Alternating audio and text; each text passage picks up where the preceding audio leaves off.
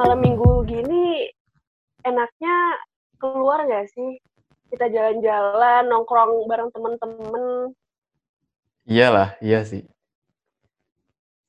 Dan uh, gue juga kayak enjoy banget untuk melihat uh, keliling kota Jakarta malam minggu kan malam-malam gitu ngelihat hmm. apa namanya lampu-lampu terus juga banyak tempat-tempat yang kayak restoran gitu-gitu kan atau yeah. mungkin uh, tempat karaoke yang baru buka tuh jam lima ke atas gitu kan. Mm-hmm. Nah, baru-baru ini gue nonton dokumenter tentang uh, lingkungan sekitar Jakarta tahun 70-an. Dan hmm. itu tuh hmm. ini banget kayak lingkungannya tuh beda banget sama sekarang. Dulu masih bangunannya masih jarang, terus belum tinggi-tinggi kayak sekarang. Orangnya juga masih belum terlalu banyak, kendaraannya juga belum terlalu banyak. Dan pohon-pohonnya tuh proporsi sama bangunannya tuh masih seimbang gitu. Jadi enak banget dilihat. Dan itu sih yang pingin, yang gue penasaran gitu seandainya hmm. gue bisa uh, travel back in time ke tahun 70-an, nah gue pingin banget tuh kayak ngerasain nuansa Jakarta zaman dulu tuh kayak gimana gitu. Hmm, ya ya ya ya. Uh, nah, mm -hmm. bicara soal Jakarta tahun 70-an, gue pengen uh, spesifik makasih kepada orang ini. Dia, dia adalah gubernur Jakarta pada tahun uh, mulai jabatannya dari tahun 1966 sampai 1977. Yaitu uh, Bapak Ali Sadikin. Nah, Bapak Ali Sadikin hmm. ini uh, dulunya adalah uh, Letnan Jenderal Angkatan Laut. Terus dia uh, setelah jadi uh, kepala staf di bagian angkatan laut, kemudian ditunjuk sama presiden untuk menjadi menteri per, uh, menteri perhubungan laut kabinet kerja. Setelah itu dia di, hmm. ditunjuk lagi menjadi menteri perhubungan laut lagi oleh Soekarno, uh, Presiden Soekarno. Setelah setelah itu dia menjadi gubernur Jakarta pada tahun 1966. Nah, cukup lama uh, juga ya, Sar? 66 sampai 77 ya? Iya. Hmm. Gue juga nggak tahu tuh bisa selama itu, tapi uh, dia orang yang sangat berjasa karena uh, mengembangkan beberapa proyek uh, di kota Jakarta yang mengubah uh, Jakarta menjadi kota metropolitan kayak sekarang ini gitu.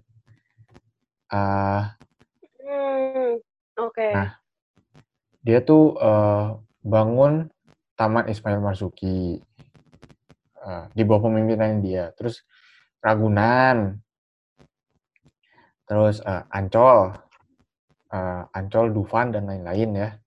Pokoknya komplek Ancol itu. Terus uh, Taman Ria Monas, Taman Ria Remaja, terus sama uh, ada beberapa tempat uh, tentang budaya Betawi di Condet gitu. Hmm, uh, jadi sebagian nah, besar masih ini ya, Sar, masih apa namanya? Tapi sekarang masih eksis ya kayak Dufan, tim. Iya, uh, uh, uh, terus hmm. Ragunan juga kan masih masih ini banget. Terus dia juga mm -mm. uh, gubernur pertama yang ngadain namanya uh, Jakarta Fair. Oh, hmm. udah lama juga berarti ya Jakarta Fair ya? Dari tahun iya, 60 70 berarti ya? Iya. Oh. Nah, terus terus uh, uh, lagi ya. Oh ya. Uh, terus dia juga uh, pada pada dia uh, menurut beberapa, beberapa uh, informasi yang gue baca jadi uh, uh, PON uh, atau Pekan Olahraga Nasional dulu tuh pada tahun 66 sampai 77 itu uh, suka jadi tuan rumah Jakarta gara-gara orang ini. Kan biasanya tuh uh, kapan oh, itu kan sempat di oh, Palembang, iya. sempat di mana. Nah, itu kayak uh, di bawah pemimpinan uh, Bang Ali ini dia jadiin Jakarta sebagai tuan rumah terus pada tahun segitu. Dan Jakarta menjadi juara umum terus-terusan. Wah, mantap kota Jakarta. Tuh. Jakarta iya. Mm -mm. ibu kota terus juga menang terus ya. Hmm. Nah, uh, terus ada uh, beberapa yang uh, menurut kebijak eh beberapa kebijakan yang kontroversial. Dia mulai mengembangkan uh, namanya hiburan malam. Be, uh, beberapa beberapa klub malam yang ada sekarang mungkin pada tahun dia itu uh, di, apa dibuka oleh Bang Ali Sadikin ini. Gue nggak gue nggak tahu tepatnya tapi uh, beberapa udah kayak udah yang dari lama gitu deh klub malamnya. Terus uh, judi juga dulu tuh uh, diperbolehkan di Jakarta dan ada tempatnya khusus gitu kayak di uh, Marina Bay Sands, kayak Genting Island, gitu-gitu. Hmm. Terus ada satu lagi yang uh, menurut uh, namanya, menurut menurut beberapa orang di sini atau mungkin dulu gue juga berpikiran aneh uh, lokalisasi eh lokalisasi pelacuran di Jakarta. Oke. Okay. Nah, terus uh, nah bicara soal tentang lokalisasi, uh, kalau -hmm. menurut beberapa ahli yang gue denger, eh ya beberapa ahli dan pengamat. Jadi uh, lokalisasi ini ada ada bener ya aslinya. Jadi uh, untuk aslinya untuk kalau menurut Bang Ali Sadikin ini untuk mentrack uh, orang-orang yang uh, sakit karena reproduksi karena apa namanya kerusakan alat reproduksi. Jadi misalnya kayak uh, herpes, terus uh, apa nam apalagi namanya ya? Ada juga go gonorrea juga. Ya, gonorrea, terus uh, apa namanya? Chlamydia juga, sifilis. Ya, ya sifilis gitu-gitu. HPV. Nah, uh. nah kalau nah dengan harapan kalau misalnya orang ini sering gonta-ganti pasangan, berarti uh, berarti diindikasi dia sering ke lokalisasi. Nah, dari lokalisasi itu bisa di track siapa aja yang kena. Nah, dari situ nanti uh, uh, apa namanya uh, uh, PSK, nggak enak gue ngomongnya pelacur ya, PSK yang yang yang terkena penyakit kelamin ini bisa diberhentikan atau ya bisa di istilahnya bisa disembuhkan lah, bisa dikasih asuransi kayak gitu-gitu loh.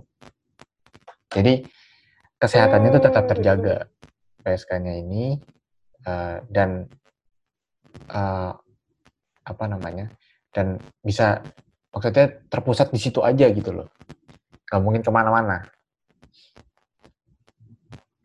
Oh iya benar-benar benar. Mm. Oh Tapi, iya. Uh, jadi gimana? Apa tuh? Apa lu? Ya jadi enggak, enggak. Uh, lo ngomongin lokalisasi ini kayak lokalisasi untuk aktivitas seks gitu kan. Ini uh. tahun 70-an kan dan sekarang berarti udah bisa dibilang udah gak ada atau kalaupun ada juga gak jelas gitu.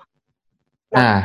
contohnya, hmm. nah gue gue kebetulan pernah lewat di uh, kawasan lokalisasi itu bukan lokalisasi juga sih tapi uh, sebuah kawasan yang memang aktivitas uh, transaksi seperti itu tuh banyak gitu. Jadi uh, salah satunya itu di uh, sekitar stasiun Jatinegara.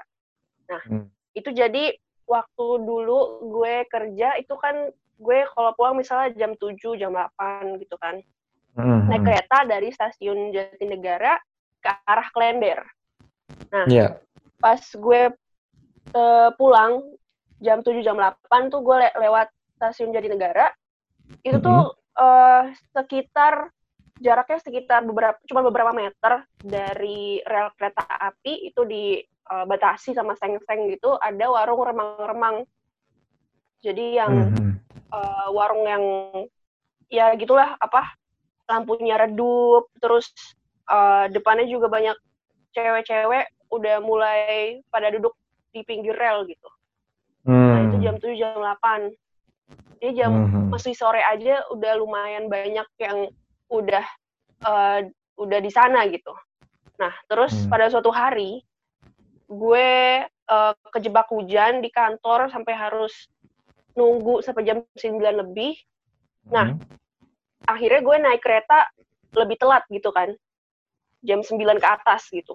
Nah, pas itu, pas gue lewat jam 9 ke atas, itu tuh yang tadinya biasanya gue lewat situ warungnya sepi-sepi aja tiba-tiba tuh udah pada ini ya udah pada nyalain musik dangdut koplo kenceng banget sampai gerbong gue tuh bergetar karena hmm. bassnya dangdut koplo itu ya ya ya ya jadi ya. kayak ada sebuah dunia lain yang tiba-tiba hidup gitu di daerah situ hmm. nah itu uh, kenapa sih bisa ada apa namanya uh, daerah di mana banyak prostitusi terjadi itu di stasiun Jatinegara gitu. Jadi sejarahnya di sini uh, gue lihat di internet dia itu karena zaman dulu di stasiun itu banyak serdadu-serdadu Belanda. Nah, di mereka itu dia mencari hiburan di sekitar stasiun. Nah, terus juga zaman dulu itu biasanya stasiun itu dekat dari pusat kota, di mana orang-orang kalau cari hiburan uh, normalnya di pusat kota gitu kan. Nah, jadi asal muasal stasiun Jatinegara bisa banyak yang kayak gitu tuh uh, karena memang sudah lama gitu. Memang dari zaman Belanda pun uh, sudah menjadi daerah di mana aktivitas uh, prostitusi itu berjalan. Nah, satu lagi nih, ada juga mungkin uh, ini yang lebih apa ya, yang lebih ngena gitu ya sebagai daerah yang bisa kita sebut benar-benar sebagai daerah lokalisasi itu adalah Gang Doli. Hmm.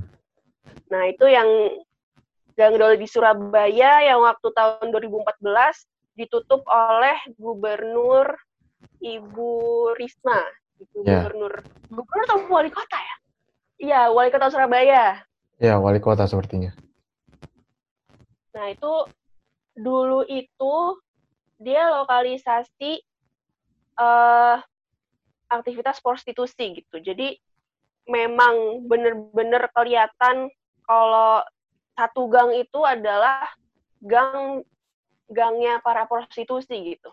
Jadi uh, di sana itu cara menjajakan para uh, eh, PSK-nya itu tuh uh, jadi warung-warung itu warung ya? Warung apa apa ya? Rumah kali ya? Atau warung ya?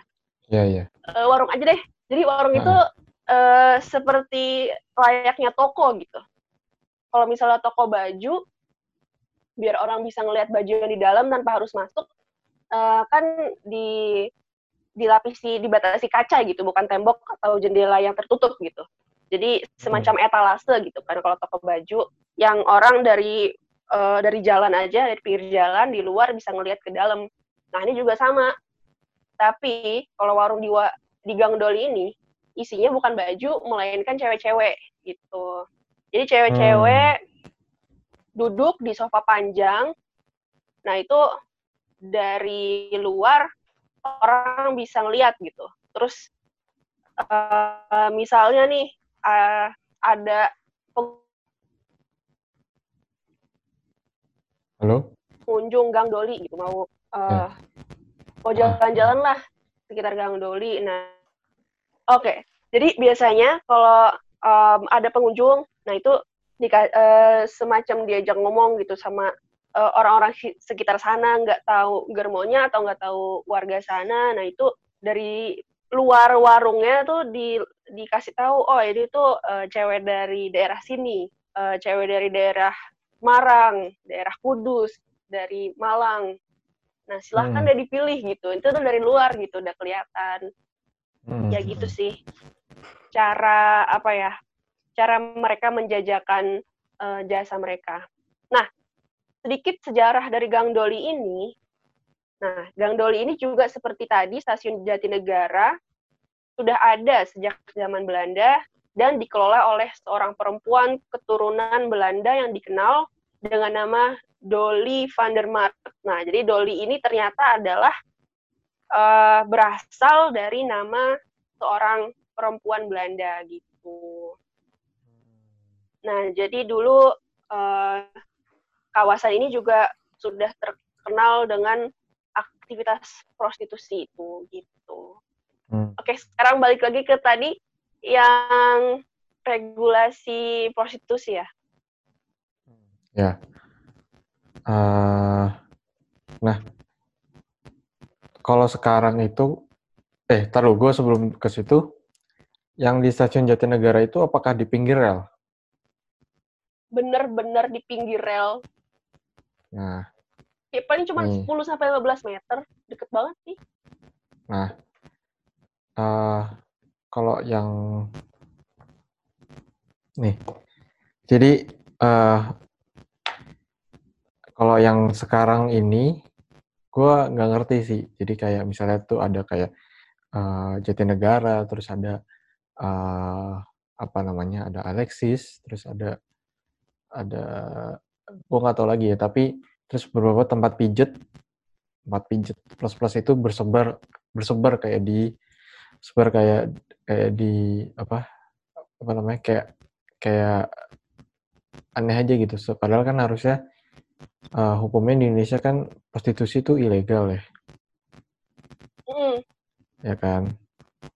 Nah, kalau terus uh, doli dengan doli yang dibubarkan gitu kan aktivitas prostitusinya kan nggak berhenti harusnya. Iya. Iya dong kan hiburan ya.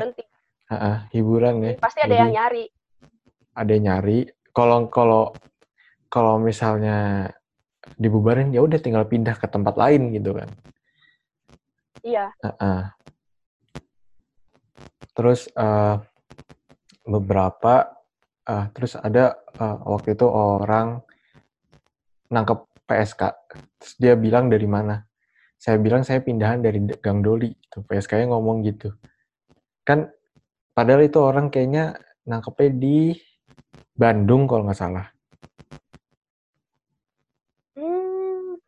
Pindah dari Surabaya ke Bandung coba bayangin. Jauh juga ya mainnya ya, iya, uh, ya. Iya, harusnya uh, nah uh, beberapa negara akhirnya eh kalau kita lihat uh, kebijakan dari beberapa negara itu uh, mereka coba untuk melo melokalisasi uh, prostitusi ini. Jadi kayak satu kota tuh cuma bisa satu gitu. Atau kalau misalnya kotanya gede banget itu ada dua gitu. Udah. Nah, hmm, okay. kayak di Singapura itu ada yang seperti itu apa jadi kayak dia ngejual uh, banyak kayak ngejual uh, alat bantu seks terus obat-obat uh, pil kuat gitu-gitu semuanya dijual di lokalisasi itu atau namanya red light district nah terus ada red light district okay. ya red light district terus uh, prostitusinya juga ada terus uh, ya gitu deh pokoknya mengenai hiburan malam yang berbau dengan prostitusi gitu ya. Terus uh, um, terus kayak di Amsterdam juga gitu. Amsterdam tuh juga kalau menurut temen gue yang tinggal di sana uh, jadi uh, ceweknya ini ada, ada kayak ada etalasenya gitu. Jajar oh, gitu. mirip Gang Doli lah ya? Iya mirip kayak lah ya tapi uh, uh, classy mungkin. Uh, kayak apa namanya ya gitu deh gitu. Terus kayak temen gue uh, apa namanya ya agak aneh aja ngeliat cewek dipajang gitu kan. Uh, terus uh, terus harusnya kalau misalnya itu di hmm, kalau misalnya kayak gini nih ceritanya kan ada yang nyebar di tadi bilang kan di Jatinegara terus yang doli tutup tatonya pindah ke Bandung gitu kan misalnya nah itu kan harusnya uh, Gang Doli itu nggak usah tutup menurut gue. Hmm, apa tuh alasannya? Nah, nah karena ya yang di gue uh, gue setuju dengan pernyataannya Bang Ali Sadikin mengenai itu gitu. Menurut dia alasannya karena uh, apa supaya bisa mentrack orang-orang yang sakit eh orang-orang yang kena uh, penyakit menular uh, tentang seks gitu. Kayak misalnya kayak gonorea kan nular terus uh, herpes juga kan. Terus sifilis itu semua kan nular ya. Nah itu tuh bisa ditekan gitu. Nah menurut beberapa ahli lokalisasi ini mampu menekan hingga 46% penyakit menular seperti itu. Itu kan cukup fantastis ya kalau sampai hampir 50% gitu iya uh -uh. Mm -hmm. Tapi uh, jadi Bapak kayak cara gimana ya cara kenapa bisa menekan uh, kasus penularan HIV menjadi uh, sebesar 40 46 persen itu gimana tuh? Nah, uh, yang seperti gue tadi bilang, jadi kayak misalnya nih satu orang kena uh, sifilis gitu ya, atau orang uh, ke rumah sakit terus terkena sifilis misalnya. Mm-mm. Terus uh, ternyata di record ke belakang dia suka ke lokalisasi A gitu misalnya di suatu kota di A Mm-mm. gitu kan. Nah, Mm-mm. ternyata di kan kalau orang ke lokalisasi kan nggak mungkin satu sama satu sama ce uh, kalau misalnya dia satu sama cewek aja satu-satu itu aja uh, gampang tuh bisa dilihat oh berarti cewek ini kemungkinan kena gonore apa kena sifilis gitu. Nah, oh iya. Uh. Nah ya bisa akhirnya dia uh, entah entah diberhentikan atau di uh, ya terserah sih kayak di ya ya pokoknya diberhentikan lah pokoknya, pokoknya jangan ini jangan jadi jangan bisa uh, menularkan gitu ya. Ya pokoknya hmm. gue gitu. Hmm, uh, ya, terus ini uh, kan itu positifnya begitu ya. Jadi uh, mm uh, banyak orang yang akhirnya nggak setuju sama pernyataan Ali Sadikin. Soalnya kenapa? Soalnya yang pertama itu uh, karena kita negara Indonesia yang mem mayoritasnya adalah uh, semuanya uh, sepertinya beragama dengan kuat gitu ya. Mm -mm. Nah, apa namanya? Mereka apa? Banyak yang ngomong kalau uh, prostitusi ini uh, malah menyebarkan penyakit seks. Mm. Nah, iya iya iya logikanya benar sih. Jadi kayak uh, misalnya nih, uh, lu udah lu lu udah berpasangan atau gue udah berpasangan tapi masih bandel suka ke situ gitu. Suka ke uh, lokalisasi. Ya kan? Mm -mm. Mm -mm. Nah, terus lu entah uh, kapan uh, entah suatu cerita lu berhubungan seks dengan uh, pasangan lu. Akhirnya pasangan lu yang kena juga. Bisa kena. Nah itu bisa kena kayak gitu kan. Iya. Nah terus uh, beberapa orang juga uh, ngomong kalau misalnya uh, prostitusi ini mengeksploitasi manusia. Hmm. Nah, khususnya dalam seksual sih. Jadi kayak ya tapi kan kalau misalnya itu diperbolehkan dan berarti PSK-nya kan jadi pekerjaan yang legal ya. Jadi mungkin ada di KTP ini tulisannya ada tulisan PSK gitu ya. Gue nggak tahu. Tapi mungkinan bakal wow. ada. Hmm, kalau misalnya itu legal ya. Mm -mm. Nah, uh,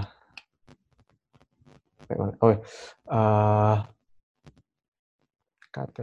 Oke, okay, uh, terus kalau misalnya itu menganggap mengeksploitasi mengeksploitasi manusia menurut gua enggak sih uh, karena cita-cita orang itu adalah uh, uh, pilihannya masing-masing ya enggak sih? Kalau misalnya PSK yeah. kalau misalnya PSK jadi cita-cita anak muda ya kenapa kenapa harus dibilang jadi eksploitasi kan? Iya sih memang uh, ada beberapa uh, uh apalagi itu kan quick money ya. Iya bener. Eh nggak tahu sih gue tapi kalau nih kalau misalnya gue baca-baca juga di red light district di Amsterdam juga uh, eh, PSK-nya ini digaji rendah. Jadi gue gua nggak bisa bilang itu quick money sih. Easy money mungkin iya lu cuma siapin badan lu oh, doang. easy. Uh, uh, oh, tapi kalau iya, quick quick money kayaknya kayaknya enggak deh. Terus uh, oh iya, beda ya sama sugar baby. Oke, okay, never mind. iya, beda dong. Beda beda. Beda dong. Beda dong. Itu bisa jadi uh, sugar baby itu gini, bisa jadi uh, apa? Omnya atau tantenya itu ngajak tapi aduh om nggak bisa om bisa bisa lu tolak gitu coy tapi abis itu besoknya lu kasih HP gitu oh ya lebih enak lebih, jauh lebih enak dari jauh lebih enak dari ini ya daripada PSK ya untuk jadi sugar baby. Iya, exactly. gue kayak, kayak sih gitu ya. mikirnya. Nah, enak banget hidup ya kalau jadi sugar baby emang. Nah, terus quick uh, and easy. Iya, hmm, iya, terus terus. Hmm. Terus uh, satu lagi menurut beberapa orang juga mendeskripsikan mendiskreditkan martabat perempuan. Uh, ya itu balik ke, ke tadi sih ya. Kalau lu emang pilihannya jadi PSK, kenapa lu ngomong gitu gitu loh. Kecuali lu dijebak gitu.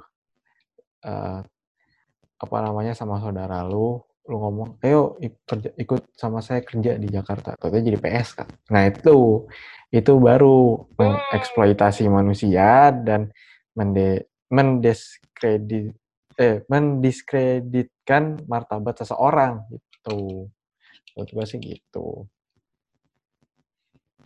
Hmm, iya sih emang ini sih menarik banget kayak uh, regulasi dari uh, prostitusi ini memang apa ya harus dipikirkan panjang gitu nggak bisa main terima atau main tolak aja gitu. Yeah, exactly. Menurut gue, gitu. menurut gue aktivitas seks itu kan kayak salah satu apa ya kebutuhan biologis yang nggak jauh beda sama kita makan, kita tidur gitu kan. Iya, yeah, iya. Yeah. Dan memang kalau misalnya udah sampai aktivitas yang eh maksudnya kebutuhan seperti itu nggak bisa secara penuh dikendalikan sama pemerintah gitu. Um, hmm. Kita bisa kayak uh, kita bisa berhubungan sama siapa aja yang kita mau sebenarnya sih.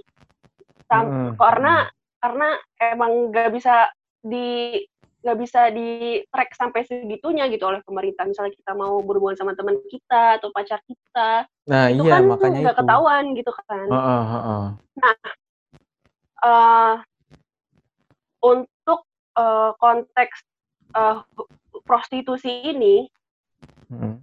lebih baik ada daripada nggak jelas ya tentunya lebih baik kalau misalnya diregulasi gitu kan. Iya diperket uh, uh, ya dibatasi sih diregulasi dan dibatasi terus diperketat gitu loh. Dan apa yang uh, perhatian utamanya yang benar-benar kita khawatirkan itu adalah uh, dari aktivitas prostitusi ini adalah penyebaran uh, penyakit seksual atau sexually transmitted disease gitu kan. Hmm, nah itu hmm, hmm. kalau misalnya diregulasi kayak yang lo bilang tadi, terus kayak bener-bener uh, kesehatan uh, para prostitusinya itu di bener-bener di apa? Ikan. Dijaga gitu dan nah. di track. Nah itu hmm. bisa hmm. itu sih menurut gue bisa berdampak banget gitu sama penyebaran uh, penyakit seksual. Iya bener banget nah, mau kayak gitu. Tapi Uh-huh. Nah, oke okay kan misalnya udah nih pemerintah udah meregulasi, udah meregulasi uh, prostitusi ini, tapi apa ya? Bukan berarti kalau diregulasi bukan berarti kita harus selalu ikutan gitu. Kan hmm. uh, maksudnya kita punya prinsip masing-masing gitu kan. Yeah, Kayak yeah. kalau misalnya gue sih gue karena gue juga kebetulan seorang muslim, terus gue juga prinsip hidup gue gue nggak mau apa pakai hiburan yang kayak gitu yeah. nah, jadi ya itu adalah kewajiban gue untuk membatasi diri gue sendiri dari hiburan semacam itu gitu nah. dan bukan berarti mm-hmm. uh, pemerintah membolehkan terus gue langsung langsung seneng gitu wah yeah. boleh nih legal nih nggak masuk penjara oke okay, gue gue masuk gitu kan mm-hmm. ya nggak nggak gitu ya masing-masing kan orang punya prinsip hidup sendiri gitu. Yeah. Dan um, pemerintah juga bisa mengambil ada contoh uh, dari Malaysia. Jadi di Genting Highlands ini dia tuh kan ada tempat judi. Yeah. Kalau misalnya wisatawan asing yang ingin berjudi di sana, itu semua semua wisatawan asing tanpa terkecuali boleh gitu dengan hmm. menunjukkan hmm. paspor. Nah, mm-hmm. tapi mm. karena Malaysia ini kan kesultanan ya negaranya. Yeah. Negara Islam. Sultan. Uh, nah, jadi uh, khusus untuk warga negara Malaysia yang Muslim itu nggak boleh, nggak boleh mm. uh, ikut berjudi di tempat di kasino yang di Genting Highlands itu. Jadi kan uh, harus menyodorkan ini ya kartu identitas atau paspor hmm. gitu kan. Hmm. Nah itu nanti ketahuan dari sana apakah dia muslim atau bukan. Nah kalau muslim emang nggak boleh gitu untuk berjuri di sana gitu. Nah itu menurut gue um, bagus sih kayak uh, pemerintah meregulasi sampai segitunya. Nah itu mungkin bisa kita tiru gitu karena uh, aktivitas prostitusi yang nggak jelas itu bahaya banget. Kayak bahayanya nggak cuman nggak uh, cuman cara kesehatan tapi juga moral juga itu lebih bahaya daripada kalau misalnya kita nggak ada regulasi gitu. Benar. Jadi kayak uh, mungkin ya kasus uh, kasus pemerkosaan itu bisa lebih bisa lebih rendah gitu. Iya. Uh -uh. Tapi uh, nggak nggak tolak kemungkinan eh nggak nggak ya nggak tolak kemungkinan kan bakal mahal banget deh hiburan seperti itu sekarang aja yang kayak di yang di Alexis itu aja uh, kalau misalnya kayak PSK-nya dari mana gitu bisa sampai 4 jutaan gitu buat sekali gituan doang. Hmm. Mm -mm. Iya ya. Uh, ya. Nah, ini ini banget sih. Agak rumit sih, Sar. Hmm, Kayak hmm, makanya. gue juga sebagai perempuan gitu kan karena kebanyakan dari PSK itu kan perempuan gitu. Yang kalau hmm. laki-laki sih juga pasti ada gitu kan. Hmm. Nah, gue juga simpati banget sih. Gue uh, sebagai sesama perempuan uh, gue simpati banget kepada uh, para perempuan yang harus menjajakan tubuhnya gitu dan uh, ada yang memang suka rela dia pingin uh, masuk ke industri seks gitu kan ada hmm. juga yang memang terpaksa gitu dan dan nggak sedikit yang terpaksa gitu Sarah. Iya, iya benar banget. Di kampung gak ada kerjaan gitu kan kayak tipikal misalnya apa sinetron sinetron FTV siang-siang tuh Iya. Yeah. kan banyak ceritanya kayak orang uh, cewek lugu dari kampung dia nggak ada kerjaan ditawarin saudaranya iya, untuk jadi Jakarta PSK. gitu kan. Uh -uh. Dan itu apa ya sekali sudah masuk ke dunia seperti itu nggak nggak gampang gitu untuk bisa keluar. Terus hmm. juga apalagi kalau udah masuk kalau misalnya kita udah dikendalikan sama germo gitu ya itu susah banget gitu. Iya, uh, soalnya untuk keluar dari lingkaran itu. Nah, soalnya setahu gue yang kayak gitu-gitu tuh mereka ngutang. Mm -mm. Hmm, iya, untuk jadi, modal hidup dia ngutang dulu. Iya, ngutang dulu. Jadi uh, oke okay, lu kasih gua lu gua kasih kontrakan, gua kasih makan segala macam tapi lu jadi SK gitu dan kayak ngutangnya tuh nggak lunas-lunas gitu loh bisa aja gitu tuh si germonya dia hmm, tapi nggak biasanya rupa biasanya gitu ada kontraknya sih mau setahu gue kontrak berapa hmm. tahun gitu ya iya berapa tahun gitu ada setahu gue sih gitu hmm. hmm I see.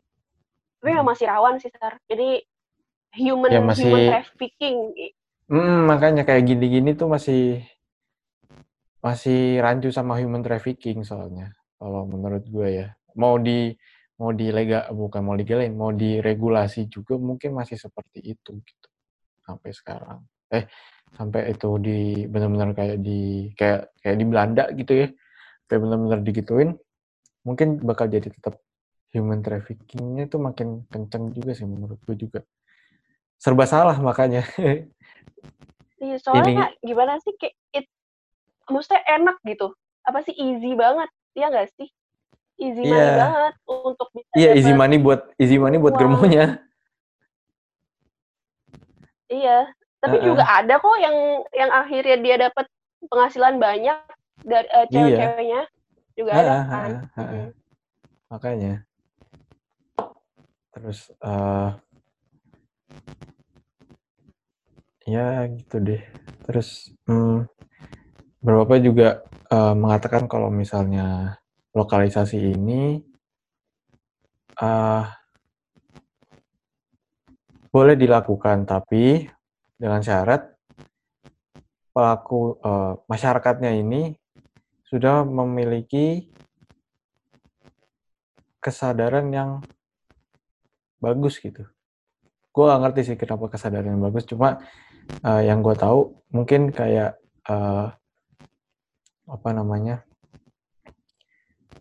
uh, dengan adanya ini mungkin orang itu bisa lebih uh, menjaga eh iya menjaga seksual behaviornya di publik gitu. Jadi kan, hmm. lo pernah dengar kasus ini gak sih kayak, uh, misalnya ada cowok nih ketahuan masturbasi di busway di kereta gitu-gitu kan. Itu karena dia nggak bisa menjaga seksual behaviornya di tempat umum gitu. oh iya. Kebetulan gue aduh gue pernah uh, iya gue pernah dapat pengalaman yang tidak mengenakan sih. Ah, serius tuh uh, iya. Jadi bukan ini sih uh, semacam eks, uh, eksibisionis mungkin ya. Jadi hmm uh, memang ya pun kayak aduh mata gue kotor banget gitu. Setelah gue ngeliat gue nggak sengaja ngeliat tapi itu orang bisa freak gitu kan. Jadi waktu gue SMA huh? kita satu SMA kan. Lo hmm.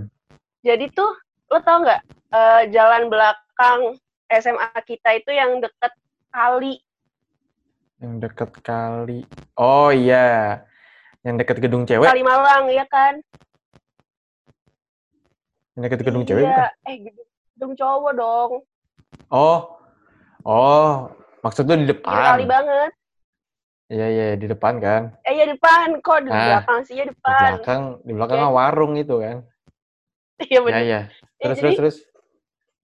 gue gue tuh mm, Naik gue biasanya sama iya gue gue lewat situ kan gue nggak gue nggak ke gue nggak ke gerbang kompleknya jadi gue mas gue lewat pinggir kali terus gue lewat jembatan nah pas di Hmm. jembatan itu kayak ada ada bapak Mm-mm. bapak naik sepeda ya ampun kayak gak sengaja gue nggak bener nggak sengaja gimana sih kalau misalnya ngeliat ada gue lagi jalan kita lagi jalan gitu kan pasti ngeliat Mhm. dong kayak Mhm. kita kita kan nggak nggak kayak kuda gitu ya nggak pakai kacamata yang nutupin sekeliling Kiri gitu kanan gitu. jadi Ha, dia bisa Heeh. dan itu lagi siang lagi terik lagi sore sore lagi terik gitu dan Hmm. sepi Mhm.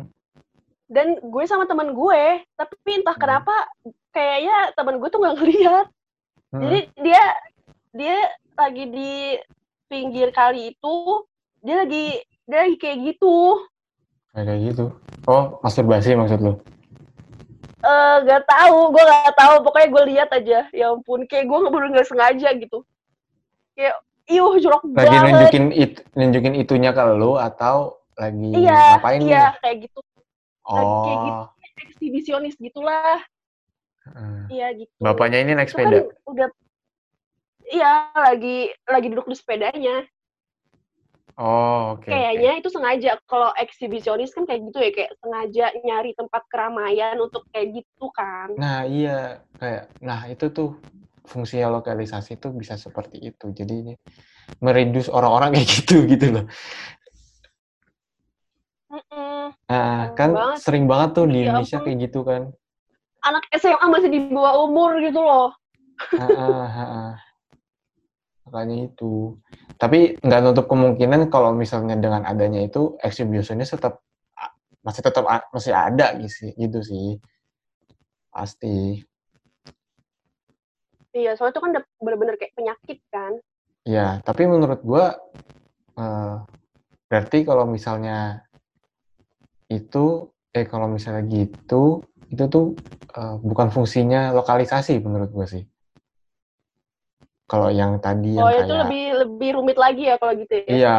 Nah, kalau itu tuh kayak mungkin ya, wah, kayak yang tadi apa ada orang nggak bisa nahan pengen pengen seks, tatonya masturbasi di busway gitu satu. Terus ada orang kayak lu tadi apa namanya tiba-tiba nunjukin itunya ke lu gitu.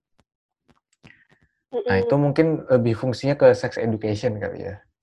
Kalau ya seperti itu.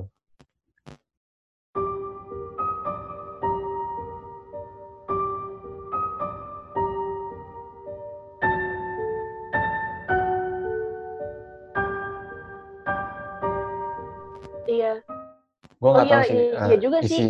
isinya sex education apa cuma eh, yang gue tahu dia ada eh, bagaimana cara lo untuk menahan hasrat seks lo gitu di tempat umum. Ada caranya pokoknya. Gue nggak tahu sih. Eh, iya dan Jelas bagus ya. juga nggak sih kalau misalnya kalau misalnya regulasi ada regulasi dan juga em, pemerintah tuh bener-bener eh, nunjukin oh eh, gini loh caranya untuk eh, menahan nafsu seksual atau eh, menyalurkannya dengan benar gitu itu Hmm, bagus banget hmm, karena kita Hmm, kita tuh masih masih susah banget gitu untuk ngomongin tentang sex education. Iya kayak tabu sedangkan banget gitu. sedangkan di Indonesia tuh sex education tuh masih nggak jelas lah pokoknya. Kayak eh, satu orang ngomong apa kayak eh, jangan itu ilmu sesat gitu. Tapi satu lagi orang ngomong kalau sesat kenapa eh, orang-orang di Eropa waras-waras gitu maksud gua nggak ada tiba-tiba orang nunjukin itunya ke ke orang lain gitu kan ya kan kayak Hmm, dia lebih tahu bagaimana Hmm. caranya eh, menghadapi eh, hasrat seksual gitu di tempat umum. Kayak kasus tadi kan Iya. itu kan nggak jelas gitu. alhamdulillah gue belum pernah kejadian ya kayak gitu cuma beberapa kalau gue naik kereta kalau gerbongnya rame ada ibu-ibu suka teriak gitu woi mas gitu langsung pas turun orangnya yang yang dicurigai langsung dibawa giring sama satpam gitu-gitu suka gitu-gitu Hmm, deh itu bisa ini juga sih apa? Bisa jadi kemungkinan itu dia melakukan suatu pelecehan nggak sih? Bisa Ya, jadi Ah, ah. Ah, siapa yang melakukan pelecehan si orang itu, yang pelakunya itu kan? Uh jadi nggak kayak nggak cuman sendiri gitu, tapi dia melakukannya pada orang lain gitu. iya iya bisa. Banyak kan ada yang aduh semua jijik banget gue jelasin ini. Cuma eh ada yang ya gitu deh ada yang eh, ada yang ngeremes buah dadanya gitu-gitu ada yang megang-megang lah gitu-gitu. Ada yang nyodorin gitu-gitu itu tuh yang bikin ini banget gitu kadang-kadang. Fantasinya aneh-aneh sih menurut gue Freak banget Eh, emang. ah kayak apa namanya eh mana ya kayak hmm, ya mungkin itu lebih ke fungsi sex education sih daripada lokalisasi. Kalau lokalisasi kan lebih ke eh, penyebaran penyakit menular di bidang seks itu di situ-situ aja gitu nggak apa namanya nggak orangnya nggak mungkin eh, orangnya pelanggannya mungkin ganti-ganti tapi bisa kelacak oh ini bapak ini satu bapak ini satu oh ini bapak ini kena oh ini bapak ini kena gitu gitu bisa dilacak gitu Iya, bener banget. Hmm. Iya sih. Tapi berhubungan sih, Sar, sex education sama regulasi itu ya sama-sama mengarah pada aktivitas iya. gitu ya, yang eh, bertanggung jawab dan yang lo bilang tadi, yang sadar gitu. nah menurut nah menurut beberapa orang eh, ada baiknya Indonesia tuh mulai dari sex education mulai kayak eh, kan eh, organ seks ini bekerja pada saat kalau cowok biasanya kan umur 12-13 tahun deh. Nah kalau cewek mungkin umur mulai mulai beker, mulai mens itu biasanya ta- eh, umur berapa sih mau? Gue gue umur eh kok gue share gue ya, aduh gue malu. Eh, Kayak aja umur 11, 12 tuh udah mulai. Nah, iya kan. Jadi kayak pada titik itu eh, apa namanya? Oh, or apa? eh, anak-anak ini mulai bingung tuh. Ketika tiba-tiba dia mulai eh, mulai tertarik kepada lawan jenis gitu. Misalnya kayak kok dia gue lihat-lihat oke juga gitu.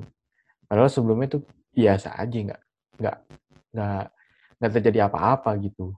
Terus eh entah kenapa kalau Hmm. misalnya eh cowok nih kalau lihat nah yang paling yang paling ketara tuh kalau keliat kalau cowok udah mulai nafsunya naik kan ke cowok eh kelihatan banget kan.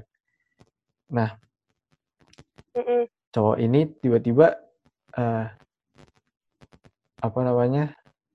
apa eh gue sebut aja kayak eh Sempet aja. udah udah masuk gitu. sini gitu. Nah, nah Iya. tiba-tiba tiba-tiba anak kecil ini ngalami ereksi kok kok kok bisa berdiri gitu gitu kan bisa bisa bisa setegang ini gitu nah kan itu kan bingung gitu ya soalnya dari kecil juga dari dia lahir dari dia sadar dia itu ada di bumi gitu dia tuh nggak pernah nga- ngalamin ini gitu nggak pernah ngalamin ereksi segala macam gitu mungkin pernah tapi nggak nggak setegang itu kalau gitu. cewek juga ini sih. Kalau cewek gue, kalau cewek juga takut gitu sih.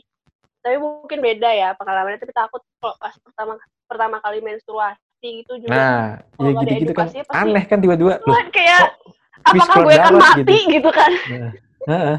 Gue kan berdarah gitu kan kayak mau mati gitu.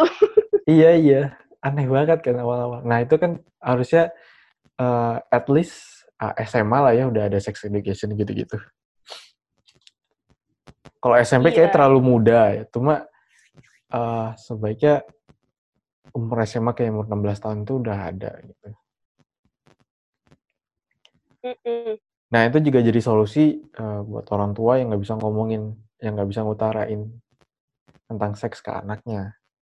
Menurut gue sih gitu. Jadi kan bapak kayak, aduh nggak enak nih gue ngomongin gituan ke anak gue gitu, misalnya. Iya bener-bener. Mm -mm.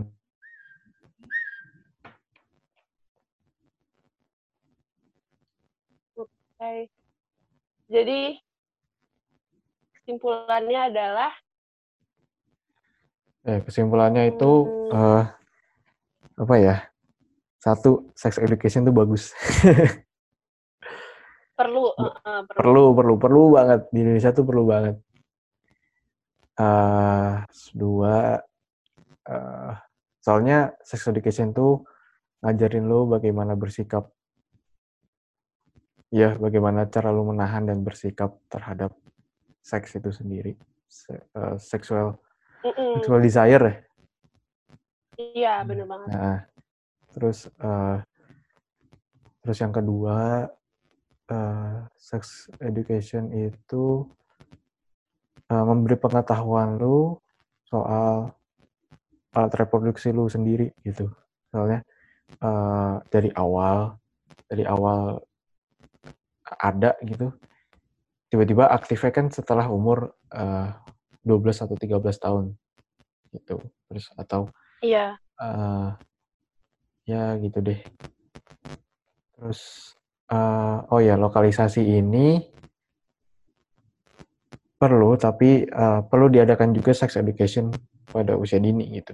Jadi uh, memperkecil kemungkinan orang yang kayak uh, seks apa namanya kayak lu tadi eksibisionis terus um, apa ya kayak gitu-gitu deh. Pelecehan gitu-gitu. Terus uh, nah terus lokalisasi ini harus diregulasi diawasi ketat oleh pemerintah gitu.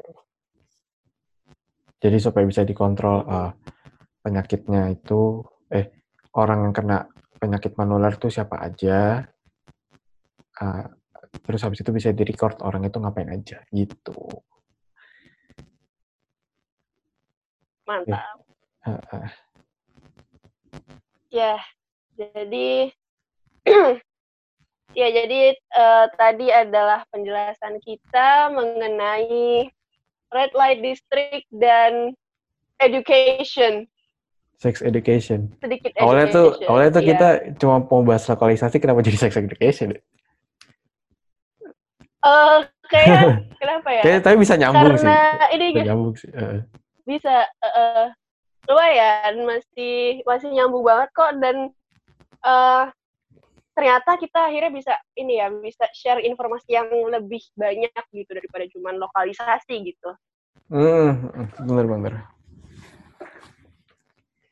Dan uh, uh, semakin ke sini gitu ya, sekarang udah episode 6, kita bahasannya semakin ini ya, semakin berat ya. Dari kemarin kita ngomongin tentang fast fashion gitu iya. kan, terus sekarang tentang uh, lokalisasi. Jadi ya uh, progres kita tuh sebagai podcaster tuh uh, kelihat lumayan kelihatan lah gitu kan.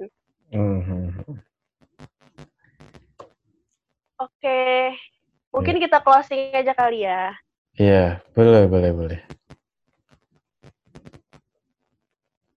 Okay, thank you for listening and see you in the next episode. Okay. Bye. Bye.